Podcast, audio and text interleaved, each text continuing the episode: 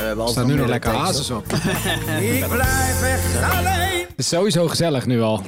We zijn, eh, ja, het is ook zaterdagavond, Anne. Zeker, en de wedstrijd is net geweest. En? Opluchting. We hebben, misschien wel voor het eerst... eh, ja, nee, ja, je draait hem ook, maar dan moet het gewoon even laten Oh, zo. klingen. Nee, beter. Zo. Zo. Zeker, dat kunnen we ook met onze gast doen. Eh, want het is zaterdagavond en hij is op dit moment geblesseerd. Dus het zou wel moeten mogen. Maar Ja. eerlijk is eerlijk, hij heeft geen alcohol voor zijn neus. Maar Nee. nee. topsporter hebben we hier aan tafel. Zeker, ja, dat is een topsporter. Binnenkort trouwens aan deze tafel. Ik weet niet aan deze tafel is, maar binnenkort Donny van de Beek komt ook langs in de Ja. Ajax-podcast. En eh, weer een hele andere tak van sport, Jo Silvio.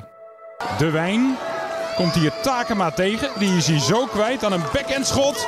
Onder Van Essen door. En het is 3-0 voor Kampong. Een ongekende wilde. Dit is Ajax 1.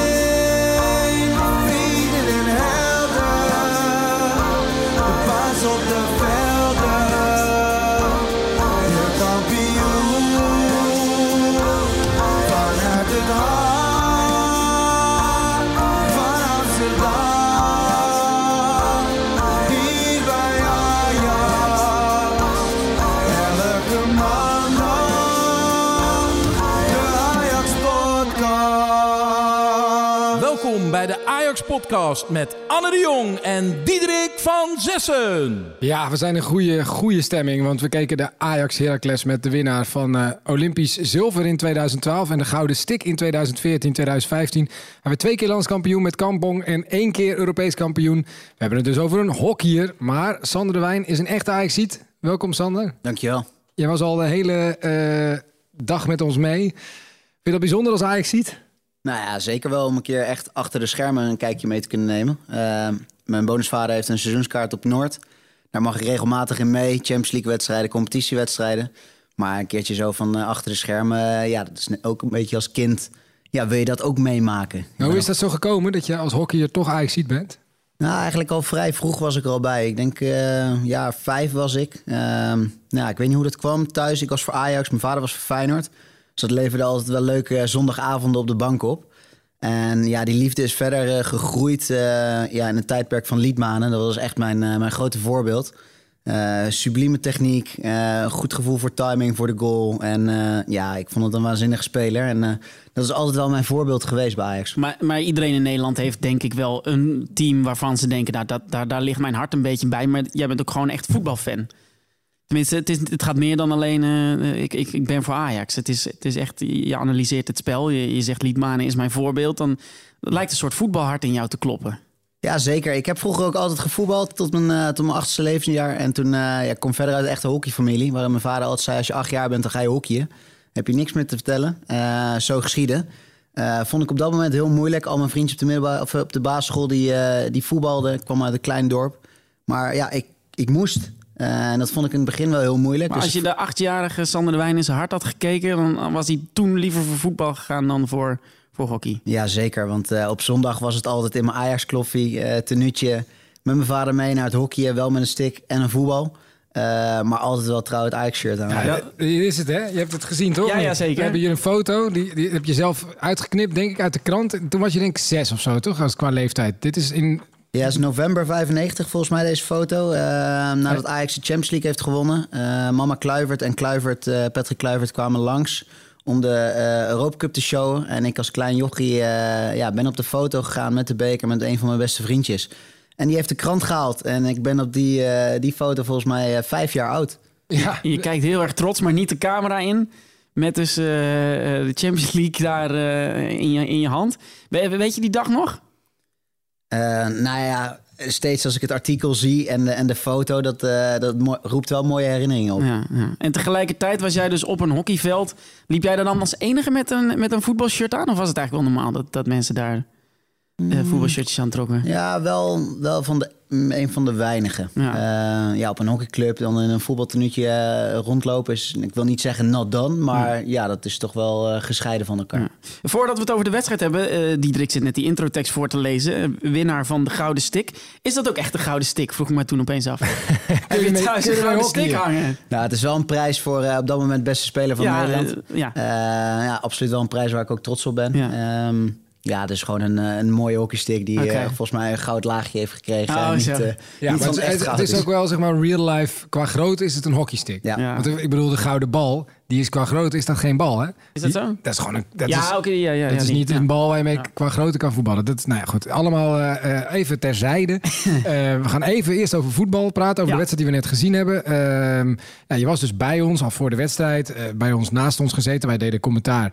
En in de eerste helft konden we een paar keer gillen. Neemt hem eh, aan, moeilijke bal, maar hij heeft hem onder controle. En dan op de elleboog van de 16 meter, aan de rechterkant. Draait hij naar zijn linker, gaat hij in één keer schieten. Nee, geeft hem bij Promes natuurlijk. Oh. Promes, de tandem, Ziyech, Promes. Hij, het is eh, geen buitenspel.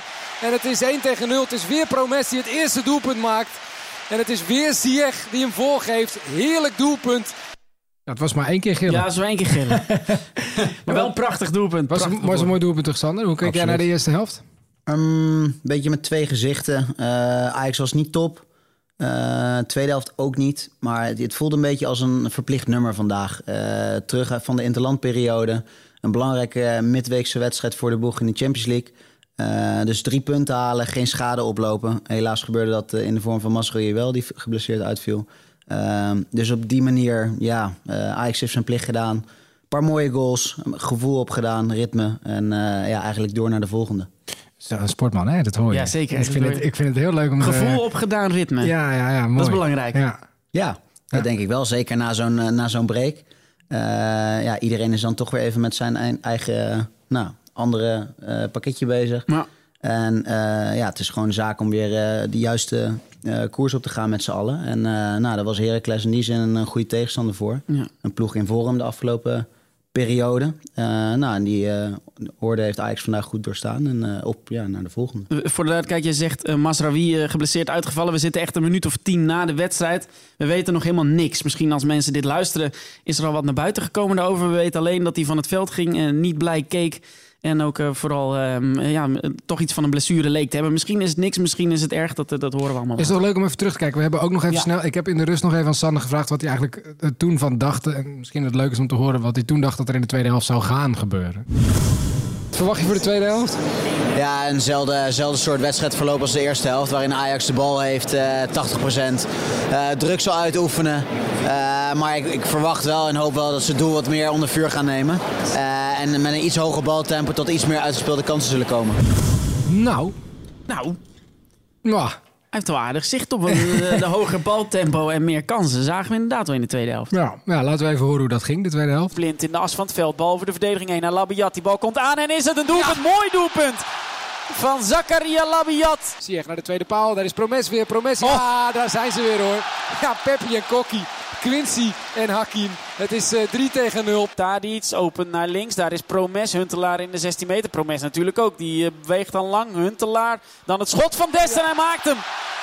Des, Oh, Dest. Des. Dit is Des Surs die er vandoor is. Des Surs, één op één met Onana. Des loopt er nog achteraan, maar Dessus gaat hem maken. Ja, dit is een eh, doelpunt van eh Dessus. 4 tegen 1. Ja, dat was even mineur eindigen toch wel. Puitje van eh Dest daar achterin.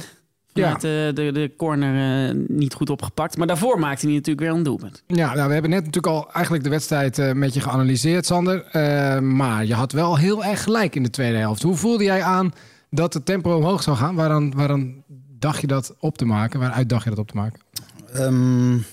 Poeh. Ja, gewoon meer omdat Heracles verdedigde best wel met 10 man achter de bal. Eh Dessers was het enige aanspeelpunt verder voorin wat, eh, wat bleef hangen. Eh, echter, Heracles begon de tweede helft wat meer druk te zetten naar voren... waardoor Ajax ook wat meer ruimte kwam... en daardoor ook wat beter in hun eigen spel terecht kwam. En misschien was dat ook wel het gevoel wat Heracles had na die eerste helft... dat ze best wel wat kansen creëerden, dan wel door fouten van Ajax... Waardoor ze echt het gevoel hadden dat er wat te halen viel. En dan zie je toch eh, dat de kwaliteit van Ajax boven komt drijven... als ze even 1, 2 versnellingen erbovenop zetten. En eh, nou ja, op die manier eh, toch vrij eenvoudig uitlopen naar een 4-0 voorsprong. Jij weet dat hoe het bij een teamsport en topsport eraan toe gaat. Ook bijvoorbeeld in kleedkamers. Wat denk jij dat er dan in de rust gebeurt bij, bij Ajax? Laten we daar eens mee beginnen. Wat denk je dat er gezegd is? Ehm, ik denk ehm, eh, iets agressiever, maar wel eh, vasthouden aan hetzelfde spelplan. Eh, het volharden daarvan in het uitvoeren van de taken. Maar wel met iets meer overtuiging en misschien wat meer lef. En op die manier weer kansen en goals gaat afdwingen. Ik geloof wel heel erg dat je succes en ja, kan afdwingen. Door periodiek gewoon hetzelfde te blijven doen. Mhm. Ehm, en ja, dan dwing je denk ik ook op een gegeven moment af. Zoals Ajax vandaag dat op een gegeven moment wordt verdiend 4-1? Eh, uiteindelijk wel, ja. ja. Eh, wellicht kan je zeggen in kansenverhouding wat geflatteerd. Maar ja, je ziet gewoon gelijk het eerste kwartier dat Ajax even opschakelt na rust. Dan is die wedstrijd ook gelijk gespeeld. Ja. En het is ook kwaliteit om die kansen af te maken natuurlijk. Zeker. Ja. Je, je zit heel de maar te analyseren. Eh, dat, is, eh, dat, dat is hartstikke mooi. Dat vinden mensen waarschijnlijk super interessant. Maar je bent toch ook fan in zo'n stadion. Kijk je iedere wedstrijd zo, zoals je dit nu aan het vertellen bent? Of dacht je, ik moet nu even goede sier maken in de Ajax-podcast. Dus ik ga even... eh, Sowieso, ook, dat sowieso tweede. Nee. Nee, ik, ik analyseer het altijd best wel vaak als Ja. ik een teamsport of een, een andere sport eh, bekijk. Van nou, wat gaat goed, wat kan beter? Eh, en eh, wat kan je daar ook in meenemen voor je eigen sport? En in dit geval vandaag met Ajax. Ja, het ging allemaal oké en goed, Hm. wat we zeiden. Ehm, maar ik denk, hè, voor, vooruitkijken naar, naar komende woensdag... Ja, dan, dan zal er wat meer eh, energie, met meer Ja. energie gespeeld worden. En dat, dat gaan ze ook doen. Maar in zijn algemeenheid, de ontwikkeling die, die dit team, of eigenlijk het team van vorig jaar en eh, doortrekken naar dit jaar, is dat iets waar jij dan nog extra van kan genieten, omdat je het misschien ook analytisch of eh, probeert te analyseren, omdat, omdat er zoveel progressie telkens maar in het team zit door de tijd heen? Ja, dat denk ik wel. Ik, ik, vind het heel mooi hoe het Ten Hag het doet. Ehm, hij, geeft, hij heeft eh, prominente, eh, ervaren eh, internationals erbij gekregen. Die drukken op zijn manier een stempel. En die krijgen ook het ruimte om te excelleren. Omdat er een goede basis is nu, de afgelopen twee, drie jaar dat hij werkzaam is. Er is een goede basis waarin hij zijn takenpakket kent. En dat er ruimte is voor het individu om te excelleren. En dat zie je nu de laatste weken in een Promes. Vorig jaar was dat in Tadic. Ja. En eh, ja, dat vind ik wel de kracht van, eh, van dit Ajax. Hey, en ehm, er is natuurlijk nog iets dat jij eh, bent op dit moment geblesseerd. En jij zit in twee teams. Twee teams waar je eigenlijk volgens mij allebei heel erg thuis voelt. Je speelt bij Kampong en bij het Nederlands team. Ehm, dus je ziet ook veel wedstrijden waarin je niet speelt op dit moment. Je bent ook supporter van Kampong, neem ik aan. En ook supporter van het Nederlands team. En ook supporter van Ajax. Hoe verhoudt dat zich een beetje tot elkaar? Hoe zit jij daar op de tribune? Bijvoorbeeld het Nederlands team heeft zich recent nou, met hak sloot geplaatst voor, voor de Olympische Spelen. Eh, dat was hartstikke spannend. Ehm, ja, nu heb ik je vandaag gezien, ben vrij rustig. Zit je ook zo daar? Nou, als het je eigen team betrekt, dan, eh, dan zit je er wel iets gespannender bij, uiteraard. Eh, dan zijn de belangen natuurlijk ook enorm hoog. Ja, zeker. Eh, kijk, zoals hier op de tribune eh, vandaag, dan, dan voel je aan alles, dan gaat het goed komen. Eh, een wedstrijd Ajax-Tottenham, waar ik ook in het stadion zat, dan, dan voel je de spanning. Dan voel je de spanning op de tribunes. Dan, dan ga je er helemaal in op. En zeker ook met je eigen team. Ja, weet je, soms heb je van die zondagen, wedstrijddagen, dat je, ah, deze ga je linksom of rechtsom, ga je toch wel winnen. Dat is geen onderschatting, maar dat is realiteit. En eh, nou, dat had ik vandaag dus in het stadion ook. Eh, en uiteindelijk ja, zitten die wedstrijden er ook tussen. Mhm, maar er zijn ook veel Ajaxiden die elke week gaan. En die het eh, zelfs met 4-1 op de terugweg over het algemeen toch vooral even zeuren. Dat is dan, hè, dat is het gewoon überhaupt gewoon, we gaan even naar Ajax en het moet, kan altijd beter, bijvoorbeeld. Ja, dat is ook denk ik een goede eigenschap. Maar het is denk ik beter om het positief kritisch in te, in te schatten. Eh, dus eh, wat, wat is goed? Wat kan je meenemen naar het volgende? En wat, wat kan je daarvan leren? Ehm, ik denk dat dat een, een belangrijk eh, mindset Dus is. een sportman gaat echt nooit uit bij jou. Het is, het is nooit dat jij... Ik, dat gevoel heb ik een beetje. Ehm, nou, dat- ik denk dat dat wel lastig is, ja. Dat, eh, dat zit er zo vanaf jongs af aan, vanaf een leeftijd van vier al in. Dat ik zo met sport bezig ben geweest, dat het eigenlijk de, de rode draad door mijn leven heen is. Ehm, en dat ik het op die manier ook niet, eh, niet zo snel los kan laten. Wellicht na mijn carrière, Ja. ik hoop het van harte. En dat er daardoor ook meer tijd komt voor, voor spontaniteit en al dat soort dingen. Maar eh, op dit moment ja, zit ik daar nog volledig in. Ja. Ehm, Ajax komt net uit de interlandbreek. Nu eh, zijn er weinig sporten waarin meer interlands worden gespeeld dan in het hockey. Dus jij bent een expert op vanuit de interlandbreek weer terug naar je, naar je eigen team. Ehm, hoe is dat? Wat is er anders? Ehm, het is toch heel wat lastig. Want je hebt eh, even de focus die verplaatst van je clubteam naar je nationale team of andersom. Eh, verschillende belangen. Eh, bondscoaches hebben andere belangen dan clubcoaches. En daar hebben wij ook wel eens last van. We hebben ook afgelopen jaar op eh, Hockey Pro League wedstrijden gespeeld... waarin we midweeks ehm, bijvoorbeeld naar Spanje uit moesten... of dat soort landen. In wisselende samenstellingen ook nog eens bij, bij nationale team. Ja, dan ga je ook kijken van ja, hoe ga ik in detail treden? Of ga ik het meer op de, op de basis houden en gaan we daarop sturen als team om te komen tot zo snel mogelijk resultaat. Ehm, kijk, bij je clubteam, daar ben je het hele jaar door bij je met elkaar betrokken, is de samenstelling bekend en kan je echt duidelijke afspraken maken in detail treden van nou oké, dit gaan we zo zo doen, structureel. En dan gaat het op, den duur gaat dat zich uitbetalen. En dat is natuurlijk lastiger met het nationale team. Daarom vind ik het bijvoorbeeld nu bij het Nederlands elftal voetbal, vind ik van Koeman heel goed. En ro- roept iedere keer dezelfde naam op. Op die manier kan hij ook op de lange termijn succes afdwingen, doordat hij eh, een duidelijke hiërarchie creëert, duidelijke afspraken en een duidelijke eh, spel, eh, spelstructuur. En is er dan nog een verschil tussen een hockeystick vasthouden in het blauw van Kampong en het oranje van, van Oranje? Ehm, nou, misschien je plek in de groep.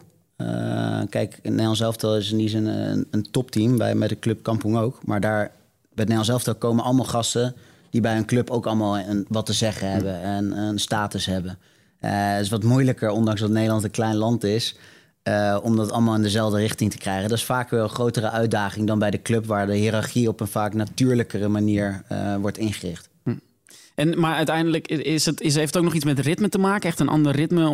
Vond je het lastiger om weer dan terug te gaan naar, naar Kampong en dan de eerste wedstrijd weer te spelen? Of, of is dat, was dat voor jou niet zo moeilijk? Of is dat voor jou niet zo moeilijk? Nee, ik denk dat dat, eh, dat wel meevalt. Wat wel eh, eh, wisselend is bij ons is bij, eh, bij de club. Nou, speel je 70 minuten eh, en speel je eigenlijk de hele wedstrijd. De internationals zijn over het algemeen... het kwaliteitsverschil is net wat groter bij je club... dan bij, een, bij de nationale selectie. Waardoor je dus als international eigenlijk de hele wedstrijd speelt. Bij het Nederlands elftal is iedereen goed. Ja. Eh, en daar heb je natuurlijk bij het hockey heb je het interchange. En bij voetbal mag je drie keer wisselen. Dus dan ga je er bijvoorbeeld zes minuten in, ga je er drie minuten af. En zo ga je continu die wedstrijd door en beleven. En dus dat, een, ja, zit je daardoor ook in een andere focus en mindset dan bij je club. Je zit, ook, je zit ook bijna nooit stil. Er zijn natuurlijk ook, ook Ajaxiden en, en internationals die dus bijna altijd op de bank zitten bij een interlandbreak. Maar dan wel naar het buitenland moeten, wel met zo'n groep mee, zich wel moeten motiveren. En jij gaat nooit voor niks mee. Nee, bijna dat, nooit. dat klopt. Dat Ja. klopt. Ja. En dus dat heb je altijd te doen. En dat heb je, zo'n fase heb je nu natuurlijk wel. Want je hebt je middenvoetsbeentje gebroken. En dus zit je ja, echt aan de kant. Je, je kan nu niks. Ja, nee, dat is het, eh, dat is het moeilijke bij blessures eh, van teamsport. Je, je maakt op dat moment gewoon echt even geen onderdeel uit van het team. Hoe graag je ook wil, je stempel erop wil drukken in meetings, eh, bij trainingen, noem maar, maar op. Maar op dit moment kan jij geen bijdrage leveren op het veld. En daar begint het in die end toch altijd, bijna altijd wel mee. En dat, helaas heb ik iets te veel ervaring opgedaan de afgelopen jaren met blessures. Eh, dus heb ik me daar wel een weg in weten te vinden. Maar eh, ja, confronterend en eh, moeilijk blijft het wel altijd. Ja, is het dan ook dat als je dan bijvoorbeeld Joel Veldman, die ook meerdere ernstige blessures heeft gehad. eh, en die dat hele proces door moet, laatst natuurlijk met zijn, met zijn knie. Is dat dan ook iets dat als je, om- omdat jij een topsporter bent, die dat ook bent meegemaakt, dat je echt in kan voelen hoe hij zich voelt, of hoe hij zich terug moet werken? Absoluut, absoluut. En ik las ook eh, toevallig vandaag nog van hem een interview in het Ajax Live magazine... dat hij eh, ook durft uit te spreken dat hij mentaal sterker is dan eh, heel veel anderen. Ik geloof er eigenlijk ook wel in dat iedere topsporter een keer een zware blessure nodig heeft. Waarom? Enerzijds, dan ben je ook een keer goed over je grenzen heen gegaan... waardoor je weet voor in de toekomst wat je grenzen zijn. Maar anderzijds ook dat je de, de andere kant van de medaille leert kennen. Dus dat je eh, weerbaarder gaat zijn. eh, wat je, het, het gaat je mentaal heel veel brengen. Daar ben ik wel echt van je hebt een overtuigd. soortgelijke blessure geloof ik ook ooit gehad, toch? Een, eh, Ja, een- mijn achterste kruisband Ja, van mijn knie. Daar ben ik ook eh, vier maanden... eh, ja, heb ik mee Maar het lijkt me dan ook vervolgens weer doodeng om, om die knie weer te vertrouwen. Op kunstgras. Ja, nee, ja, tuurlijk. eh, Ik bedoel, je zegt je moet een keer over je grens heen gaan, maar de, de volgende keer denk je dat. Ja, dat, om de eerste keer dan weer het veld op te gaan, dan denk je, oh, daar gaat hij weer. Tuurlijk, nee, ja, dat, dat is het vertrouwen wat je in jezelf moet terugwinnen. En dat gaat niet zonder slag of stoot en dat eh, zal tijd eh, kosten. Ehm, maar ja, wat ik bedoelde met, met over je grens heen gaan... is wel dat je echt de limiet voor jezelf gaat opzoeken. Dat je jezelf gaat pushen, ook in trainingen, in, nou, in, in wedstrijden. Eh, kijk, een blessure in die zin is nooit gunstig. Maar wat je ervan kan leren, denk ik dat het wel heel veel gaat bijbrengen... in, in de rest van je carrière, zowel op eh, sportief vlak Maar je hoort wel vaak ook van, van voetballers dat het e- eenzaam is. Is het, zeker. Ja, iedere dag weer naar de gym in je eentje. Wat ik zei, geen onderdeel zijn van. Eh, heel simpel, de kleedkamerhumor missen. Eh, ja, dat euforische gevoel na een overwinning in de kleedkamer... met z'n allen, eh, als je bij elkaar bent. Ja, dat, dat zijn de mooi, een van de mooiere momenten van, eh, van topsport. Maar dan ben je er ook niet bij. Als, eh, je, je gaat niet even langs in de kleedkamer of erbij zitten. Of... Ja, je, je, tuurlijk wel, maar je beleeft dat heel anders. Eh, je wil met elkaar schouder aan schouder de strijd aangaan. Zoals onze coach dat altijd vroeger heel mooi noemde, is de loopgraven in letterlijk. Mhm. Dan is die voldoening en die euforie is dan natuurlijk vele malen groter. Ja. En dat trotse gevoel wat je zelf dan hebt, als, met je, als van je teamgenoten, ja, dat wil je met elkaar delen. En dat, dat zijn de momenten ook die je later bij gaan blijven. Dat soort, dat soort momenten. Ja, maar bijvoorbeeld vorig jaar is eh, Karel Eiting bijvoorbeeld, die is aan het begin van het seizoen heeft hij eh, een paar keer gespeeld, is toen heel lang geblesseerd geraakt, maar was er op het Museumplein bij Ajax wel bij bij de huldiging. Bandé, helemaal aan het begin van het seizoen geblesseerd geraakt, was er uiteindelijk eh, bij de huldiging wel bij. Ehm, en zeiden natuurlijk ook van, hè, het is ook onze, onze overwinning. Maar wat jij eigenlijk zegt is, die hebben zich echt wel anders gevoeld. Die, hadden, die waren daar misschien wel met, met, met, met, met, als een boer met kiespijn. Ja, nou ja, die, ze, ze hebben allebei hun bijdrage geleverd. Daar ben ik heilig van overtuigd. Alleen, ja, voor je eigen gevoel wil je je bijdrage zo groot mogelijk hebben in het, in het succes van een elftal. Ja. Ehm, en ja, en daarin zullen zij waarschijnlijk ook wel gevoeld hebben van ja, eh, het is niet helemaal mijn kampioenschap, want ik heb maar een handvol wedstrijden gespeeld. Ja. Zo meer eh, over jouw carrière, over het verschil tussen hockey en voetbal. Maar eerst denk ik, eh, zoals elke week, het eh, hashtag Ajax-moment. Een mooie herinnering van een luisteraar aan Ajax. En nu 22 december dichterbij komt, krijgen we extra veel verhalen binnen. Want op die datum mag de inzender van het mooiste verhaal bij ons aanschuiven. Tot 14 december kun je jouw Ajax-moment insturen. Doe dat vooral. Mooie herinneringen, bijzondere herinneringen of hele heftige herinneringen. Zoals deze, het verhaal van Danny de Jong, die deze week mailde. Ja, mijn Ajax-moment is eigenlijk niet zo lang geleden, zegt hij. 27 oktober dit jaar. ochtends wakker worden. Poeh, spanning, want vandaag is het weer klassiekerdag. Mijn beste vriend was uitgenodigd en zou rond twee uur zijn. We gingen eerst even kijken wat de concurrent doet. Natuurlijk heel blij vanwege de andere uitslagen en met heel veel vreugde richting de klassieker. Binnen een aantal minuten stonden we al te juichen in de huiskamer en niet veel later nog een keer. Nou, weten we allemaal nog. Wat een wedstrijd. In de tweede helft alvast een flesje champagne opengetrokken om het te vieren. Na de wedstrijd sloeg de sfeer helaas radicaal om. Mijn moeder belde en vertelde dat mijn vader met spoed naar het ziekenhuis werd gebracht. Hij zou een hartinfarct, eh, hartinfarct hebben. En eh, ik moest dus heel snel van Pijnakker, waar hij woont, naar Leiden. Gelukkig had een vriendin niet te veel gedronken en die kon hem dus brengen. Aangekomen in het ziekenhuis ging het allemaal heel snel. Als een waas ging alles mij voorbij, maar mijn vader was er niet meer. Mijn vader die mij als eerste meenam naar de arena en waar ik mijn eerste Ajax-shirt van kreeg. En waar mijn liefde voor Ajax is begonnen. De wedstrijd Ajax-Feyenoord zal voor mij nooit meer hetzelfde zijn en mijn gedachte zal dan altijd bij mijn vader zijn. Met dit verhaal wil ik mijn vader enorm bedanken voor wat hij mij en mijn gezin heeft gebracht. Mijn kinderen lopen ook in Ajax-shirtjes en dat komt door jou, pa. Bedankt. Ja, Einze de Jong heet de vader van Danny en hij is 60 jaar geworden. Danny heeft ook nog een foto voor ons toegevoegd waarop we Einze in de arena zien op zijn rug gekeken. Ja, 60 jaar, heel heftig verhaal. Maar- Ja, de- we, we krijgen heel tijd maar eh, hele vrolijke, mooie juichverhalen binnen. En toen kwam deze opeens en kreeg ik wel een soort van brok in mijn keel toen ik deze voor het eerst las. Het is een, een prachtig eerbetoon eh, aan Eindse de Jong. Ehm, ik kan me nog voorstellen, Danny en de hele familie nog heel veel sterkte gewenst, ook namens ons. Want het is allemaal nog, nog heel erg vers. En mooi dat je dit met ons hebt willen delen. Je luistert naar aflevering 41 van de Ajax-podcast. We hebben een bijzondere gast vandaag, Sander de Wijn. Een echte Ajax-ziet, maar ook profhockeyer bij Kampong en het Nederlands team. Wie trainen er harder, denk je, Sander? Voetballers of hockeyers? Wil je een eerlijk antwoord? Ik Ja, Absoluut. denk, eh, ik denk wij. ja hockeyers. Ja. Waarom denk je dat? Ehm, nou, ik denk sowieso dat we dan het imago eh, wel iets meer mee hebben. Ehm, maar even ehm, gewoon naar de arbeid kijkende. Ik denk dat wij eh, wel iets harder trainen. Eh, waarom? Bij ons is het ook wel maatschappelijk eh, eh, geaccepteerd dat wij gewoon twee wedstrijden in een weekend hebben. Eh, nou, het zou in voetbal echt not done zijn. Dus nou, ik wil niet zeggen dat wij daardoor ook beter getrainde atleten zijn. Maar ja, daar is wel een bepaalde inspanning voor nodig. Ja, de, de belasting is heel anders. Als je twee wedstrijden speelt en het, dan wordt er ook niet verder gerust. Weet je, jij bent een dragende speler bij Kampong. Dan kan je niet zeggen, wissel mij maar even. Nee, ja, en de af, vorig weekend was een, eh, was een dubbel weekend voor ons... waarin wij op zaterdag en zondag eh, moesten spelen. Eh, ja, dan uiteindelijk op zondag zie je die jongens ook met een, eh, met de tong op het kunstgras eh, eh, rondrennen. Maar dan zeg je nu wel dat eh, voetballers, of eh, dat jullie eigenlijk eh, eh, harder eh, bezig zijn dan voetballers, maar liever zou je het anders zien.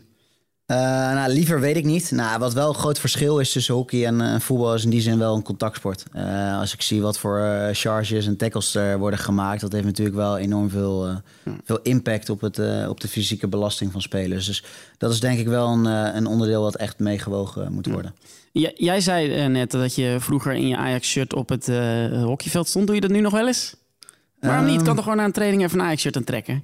Ja, eh, zeer zeldzaam doe ik dat nog wel. Eh, als het, als we Wanneer voor het laatst? Nee, ik denk eh, vorig jaar op een dinsdag. Wij trainen altijd op dinsdag. En als dan een Champions League avond is, Ajax, belangrijk potje. Volgens mij Ajax Real was het thuis toen.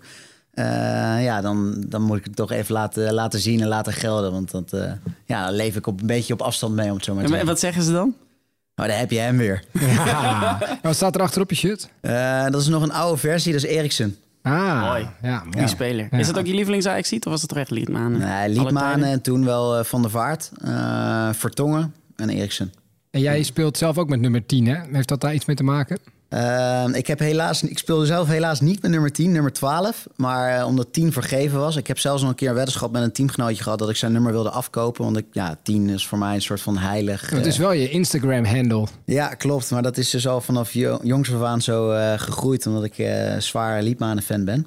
Ehm, nee, dus helaas geen nummer 10. Eh, ik ambieer het nog steeds, maar het is niet aan Maar hoe gaat het dan? Want bij ons, eh, wij hebben dus alleen op heel laag niveau gevoetbald. Maar bij ons, als je dan de eerste wedstrijd van het seizoen goed oplet... dan werd er zo'n tas in het midden van de kleedkamer geflikkerd. En dan moet je goed opletten. En dan snel alle nummers graaien. En ik heet Van Zessen van mijn achternaam, dus ik wilde altijd nummer 6.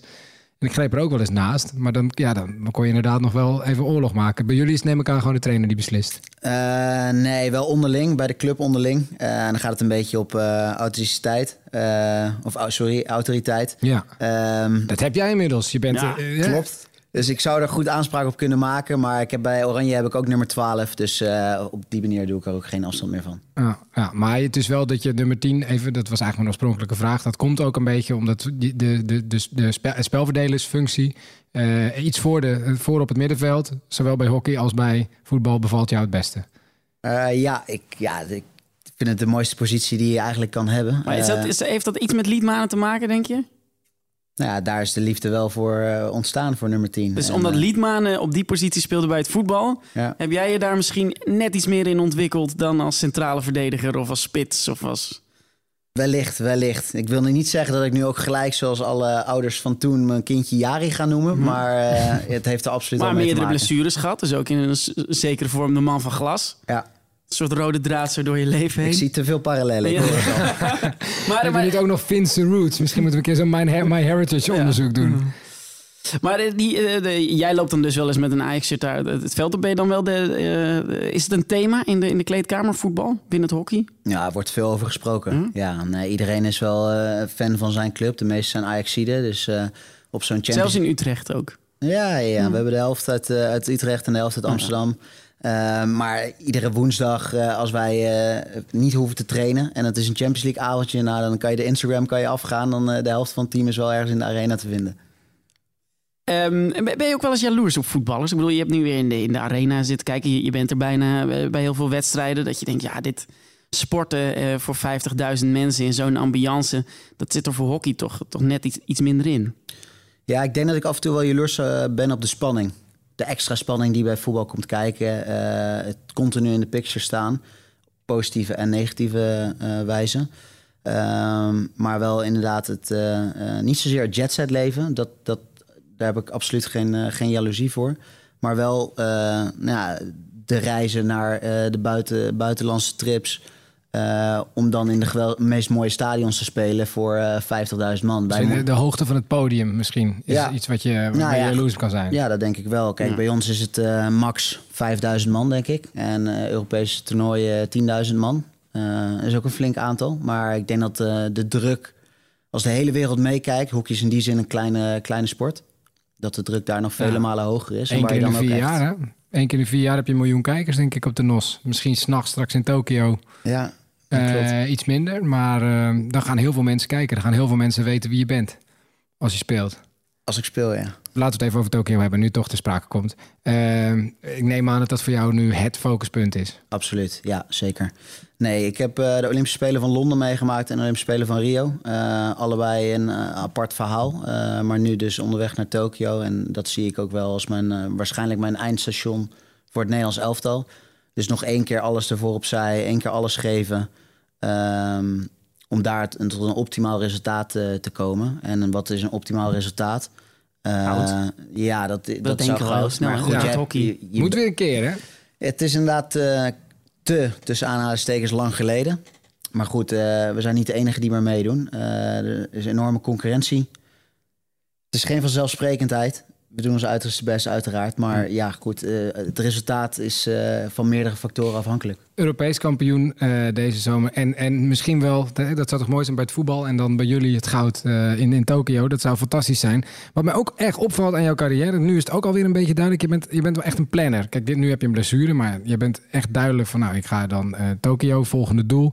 En je hebt ook gewoon een jaar vrijgenomen om te studeren. Dat zie ik een voetballer ook niet doen. Nee, dat is een eh, vreemde keuze was dat voor velen om dat eh, ja, te lezen en te doen. Eh dat is een beetje tegen de richting in ook. Ik heb dat bewust gekozen. Ik vond het moeilijk om zowel als topsport als studie te combineren. Andere jongens konden dat wel. Keek zeker wel met een beetje jaloezie op. Maar goed, voor mij was dat wat lastiger. En helaas heb ik in de voorgaande jaren heb ik te weinig ondernomen... waardoor ik in, in een spagaat terecht kwam dat ik moest kiezen. En Mhm. nou ja, hockey is niet oneindig. Dus eh, eh, ook met mijn heb je er geen spijt van. ik heb er absoluut geen spijt van. Ik heb er heel veel van geleerd. Eh, ik ben ook heel erg trots op dat ik nu uiteindelijk mijn opleiding heb afgerond. Dat is toch echt een, een last van mijn schouders ook. En dat moet ook in resulteren dat ik nu vrijer in mijn hoofd ben. En ja, met een andere beleving op het veld staan. Ik, Ja, eh, en een LinkedIn-pagina. Dat heb ik ook nog weinig voetballers eh, heb ik, heb ik daarmee gezien. Netjes met een rijtje met diploma's. Ja, nee, ja, goed. Ik ben me ook eh, maatschappelijk aan het voorbereiden. En op dit moment eh, loop ik wat stages. En dan ben ik een beetje aan het ruiken alvast aan het, op de arbeidsmarkt. En eh, nou, zo heb ik ook mijn ambities om na Tokio daar meer, in- meer en verdere invulling aan te geven. Maar in het voetbal denken mensen natuurlijk ook verder dan hun carrière. Maar het blijven er toch ook heel veel echt in de voetballerij. Is dat niet iets voor jou in het hockey? Analyseren Eh, op tv of trainer worden? Of, eh, Op dit moment niet. Ehm, ik vind het hockeyspelletje wel heel leuk. Dus ik sluit niet uit dat ik wel een bepaalde rol ga vervullen. Eh, maar op dit moment een hoofdcoachschap na mijn carrière zie ik nog niet zitten. Ik wil sowieso na Tokio nog wel minimaal twee jaar door op clubniveau. ehm, om het rustig af te bouwen. Maar ik sluit niet uit dat ik een keer een, een assistentsfunctie ergens zal vervullen. Ehm, maar hoofdcoachschap weet ik niet. Er komt veel bij kijken tegenwoordig. En is nog eh, te ver weg. Nee, voor de duidelijkheid, je bent 29 hè? En, dus, Ja. eh, en, en hockeyers gaan over het algemeen door tot? Ja, 32. Weet je, het, het is niet dat wij zo'n danig eh, verdienmodel hebben. Dus het is niet oneindig. En eh, we zullen maatschappelijk dus aan de bak moeten. Hockey staat er wel bekend om dat, eh, wat hier in de arena nu vanavond ook een paar keer gebeurde. namelijk dat het spel werd stilgelegd. Dat een videoscheidsrechter ernaar kan kijken. dat, dat, dat soort dingen. Daar wordt allemaal, loopt hockey in voorop. Is dat iets waar jij dan als ambassadeur ook van de sport trots op bent? Hè? Die technische vernieuwingen, doorontwikkelen van de, de spelregels, al dat soort dingen. Daar is hockey altijd heel snel mee. Heb ik tenminste als buitenstaander het gevoel. Ja, nee, het, eh, in positieve als negatieve zin heeft hockey heel veel regels eh, veranderd de afgelopen jaren. Eh, in positieve zin dat het het spel ten goede komt. In negatieve zin dat het voor velen onvolgbaar wordt. Dus voor een leek die niet zoveel met hockey heeft, steeds regelwijzigingen, raak een beetje de klus kwijt en dus ook minder geïnteresseerd. Maar met betrekking tot de, tot de VAR vind ik een hele goede ontwikkeling. Ik, ik pleit Maar voor... alle discussies die nu op televisie en op sociale media worden uitgevochten, die heb jij al lang gehad. Die hebben wij in die zin al lang gehad, ja. Eh, ook daarin... En waar eh, komen we dan uiteindelijk op uit? Ehm, nou, wat ik ook wilde zeggen, ik, ik pleit voor eh, eerlijkheid in de sport. En op die, hoe lang de VAR ook een, af en toe een beslissing duurt. Ja, het is vervelend en vermoeiend, maar uiteindelijk eerlijkheid verdient dat recht. Maar houdt de houden de discussies uiteindelijk op? Wennen, wennen mensen eraan? Is dat het... ja, maar het, ja, eh, tuurlijk blijft er ook een grijs gebied. Ja. Eh, en daar ontkom je niet aan. En dat, eh, over die invulling daarvan eh, zal zowel hockey als voetbal nog een betere, Ja. betere invulling aan kunnen geven. tegelijkertijd las ik wel ergens dat jij een van de eerste hockeyers was... die serieus aan krachttraining is gaan doen. Dat lijkt me toch minder vooruitstrevend. Dat, hoort toch bij een topsportcarrière, zou je zeggen? Ja, nou ja, vroeger was eh, het imago wat een hockeyer had, of een tophockeyer, was een bierdrinkende student. Moeten we wel echt twintig jaar terug in de tijd inmiddels. Maar dat was echt wel het, eh, het stereotype. Nou, je hebt, we, hebben het zojuist aangeboden, maar je hebt zelfs de 0.0 heb je zelfs niet opengemaakt. Dus het is, hier ben je op ben je deze zaterdagavond ben je heel netjes aan het gedragen. Nee, helemaal niet. Maar je bent in ieder geval geen bierdrinkende student. Je bent geen student meer, hebben we net al gehoord. Maar je drinkt nu ook geen bier op zaterdagavond. Je bent erg bezig met je fysiek, hè? Ja, vind ik eh, belangrijk en is voor mij ook een voorwaarde om eh, eh, goed te kunnen presteren. En in mijn manier is dat ook een van mijn, eh, denk ik, USP's om eh, ja, beter voor de dag te komen dan iemand anders. USP's? Ja, ja, Unique soort- selling point. Unique selling point. Oh, ik, ik, eh, ik zat even niet in de afkorting. Nee, ja, sorry man. Eh, we hebben nog een nieuwtje, Anne. Ja. Eh, ik zat vandaag het parool te lezen. Ehm, want weet jij nog dat we in aflevering 13 Johan Frets te gast hadden? Ja. Die bracht een muzikale ode aan Ajax. We kregen daar veel positieve reacties op. Echt enorm veel positieve reacties. Johan zelf volgens mij ook. En in die muzikale column zei hij toen onder andere dit. Frankie. Als ik over negen maanden een zoon krijg, dan moet ik hem misschien wel gewoon Frankie noemen. Nou, ik heb vandaag in het parool gelezen. Dat heeft hij dus niet gedaan. Hij heeft een zoon gekregen. James Isha Daniel Frets is het geworden. Helaas dus geen Frankie. Toch gefeliciteerd, Johan Frets. Zullen we hem nog een keer uitnodigen? Ja, graag. Ja, Zeker, want zeker. het was toch wel heel mooi wat hij Had toen toch wel deed. ergens in een van die, die, Ja, die als je extra toch vier namen namen nog toch even een Frenkie er tussendoor doen. Zou jij dat kunnen doen, Sander? Jari, nee, geen Jari, hè, had je al gezegd. Nee, dat gaat niet gebeuren. Nee, geen voetbalvernoeming? Nee, niet een spe- specifieke eh, reden ervoor. Ik weet wel een teamgenootje van mij, misschien wel leuk. Die heet, eh, zijn roepnaam is Sef. Maar die heet Severiano ehm, Boris eh, van As. En Severiano is van Severiano Ballesteros. Ja. En Boris is van Boris Becker. Dus Mooi. die is in die zin vernoemd naar twee eh, legendarische sporters. Nou ja, ja een mooi verhaal. Op 29 december is het weer zover. Ja, dat kan. Dat zou kunnen. Het Ajax Winterfestival. Met de mooiste Ajax-documentaires. waar is Ries? Zes. Waar is hij? Op. Zoals Bobby over de goede beul Bobby Harms. Zeven. Kom op. Kom op. Dan gaan we nog even. Acht. Kom op, Ries. En blijf lachen. Blijf lachen, Ries. Very nice. I'm very happy. Onana, de Bos. Really, really happy. En Ajax, We Are The Champions 1995. Ja, die wedstrijd had ik wel ook meer spanning. En nog veel meer. Dus kom naar de Johan Cruijff Arena op 29 december. Nu zie jij een keer. Alle info en tickets vind je op ajax.nl slash winterfestival. Nu moet je er staan. Eh, in de Ajax-podcast zijn we ook op zoek naar het muzikale hart van Ajaxide. We laten onze gasten elke week een liedje toevoegen aan de Ajax-podcast Spotify playlist. Vorige week hadden we niemand minder, als het over muziek gaat, dan popprofessor Leo Blokhuis te gast. Dat is een lied dat vind ik echt zo goed gekozen. Nou, het is niet gekozen, het is ontstaan. Maar ik kan goed snappen dat dat geadopteerd is. Dat vind ik echt wat Ajax is. Een swingende machine. En als het even tegen zit, dan toch weer goed. Don't worry about Ja, Bob Marley met eh, Three Little Birds heeft hij toegevoegd. Is dat ook jouw muzieksmaak, Sander? Mm, nou, niet direct. Ik vind het wel een heel toepasselijk nummer altijd. Eh, ja, bij Ajax. Maar dat is niet mijn eh, muzieksmaak waar ik direct aan denk. Nee, welk liedje wil jij toevoegen aan onze lijst? Ik zou graag van Coldplay willen toevoegen Viva la Vida. Dat vind ik een erg mooi nummer. Heel, veel, heel veel goede herinneringen ook aan. Ehm, tijdens de Olympische Spelen van 2012 in Londen was het altijd eh, ongeveer vier minuten busritje vanaf het Olympisch dorp naar het, eh, naar het hockeyveld toe.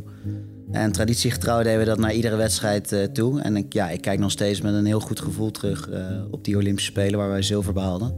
En durf wel te zeggen dat het een van de mooiste sportprestaties en sportsuccessen is die ik heb gehad. Dus ja, dat nummer zou ik op die manier dus ook niet zo snel vergeten.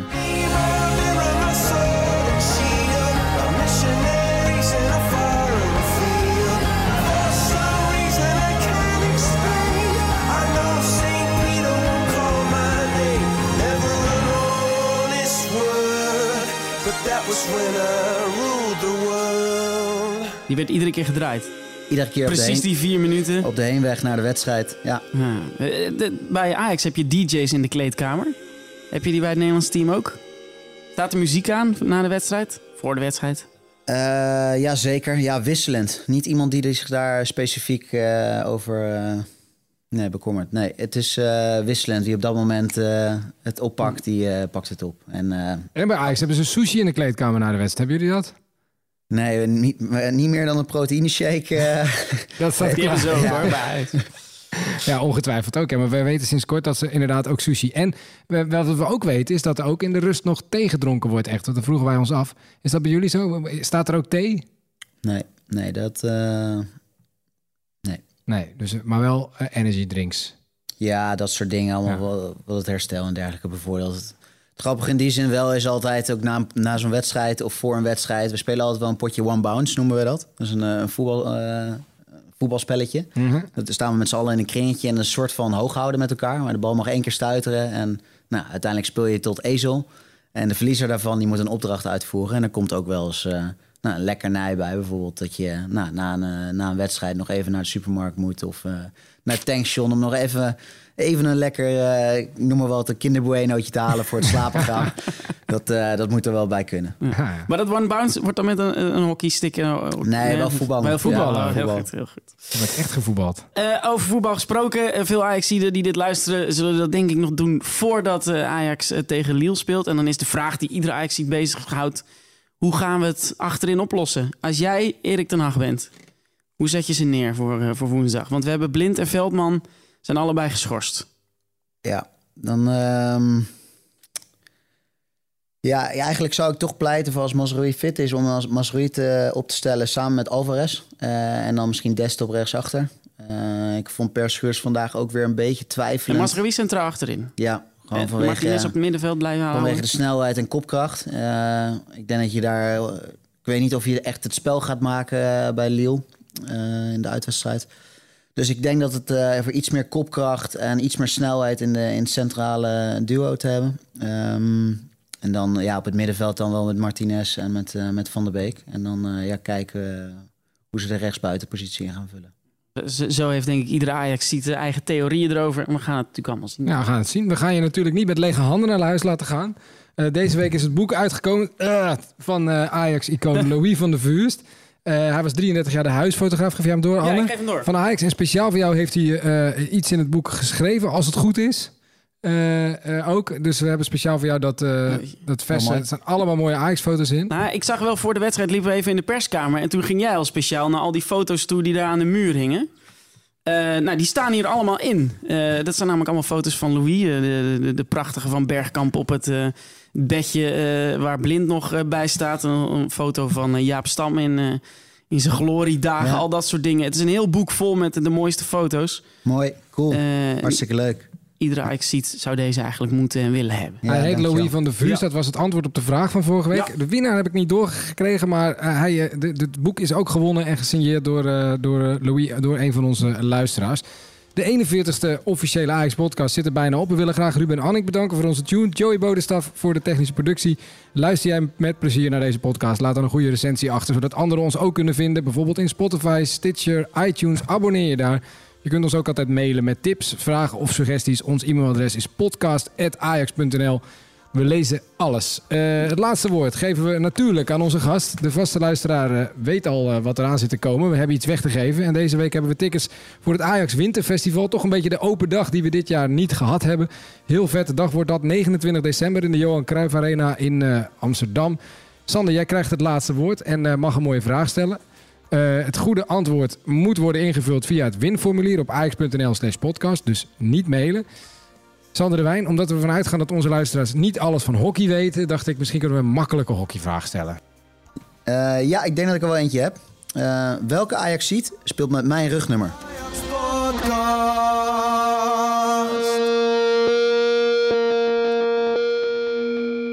Dank u wel voor uw bezoek aan de Ajax Podcast. We hopen u aanstaande maandag weer terug te horen. En voor nu, wel thuis.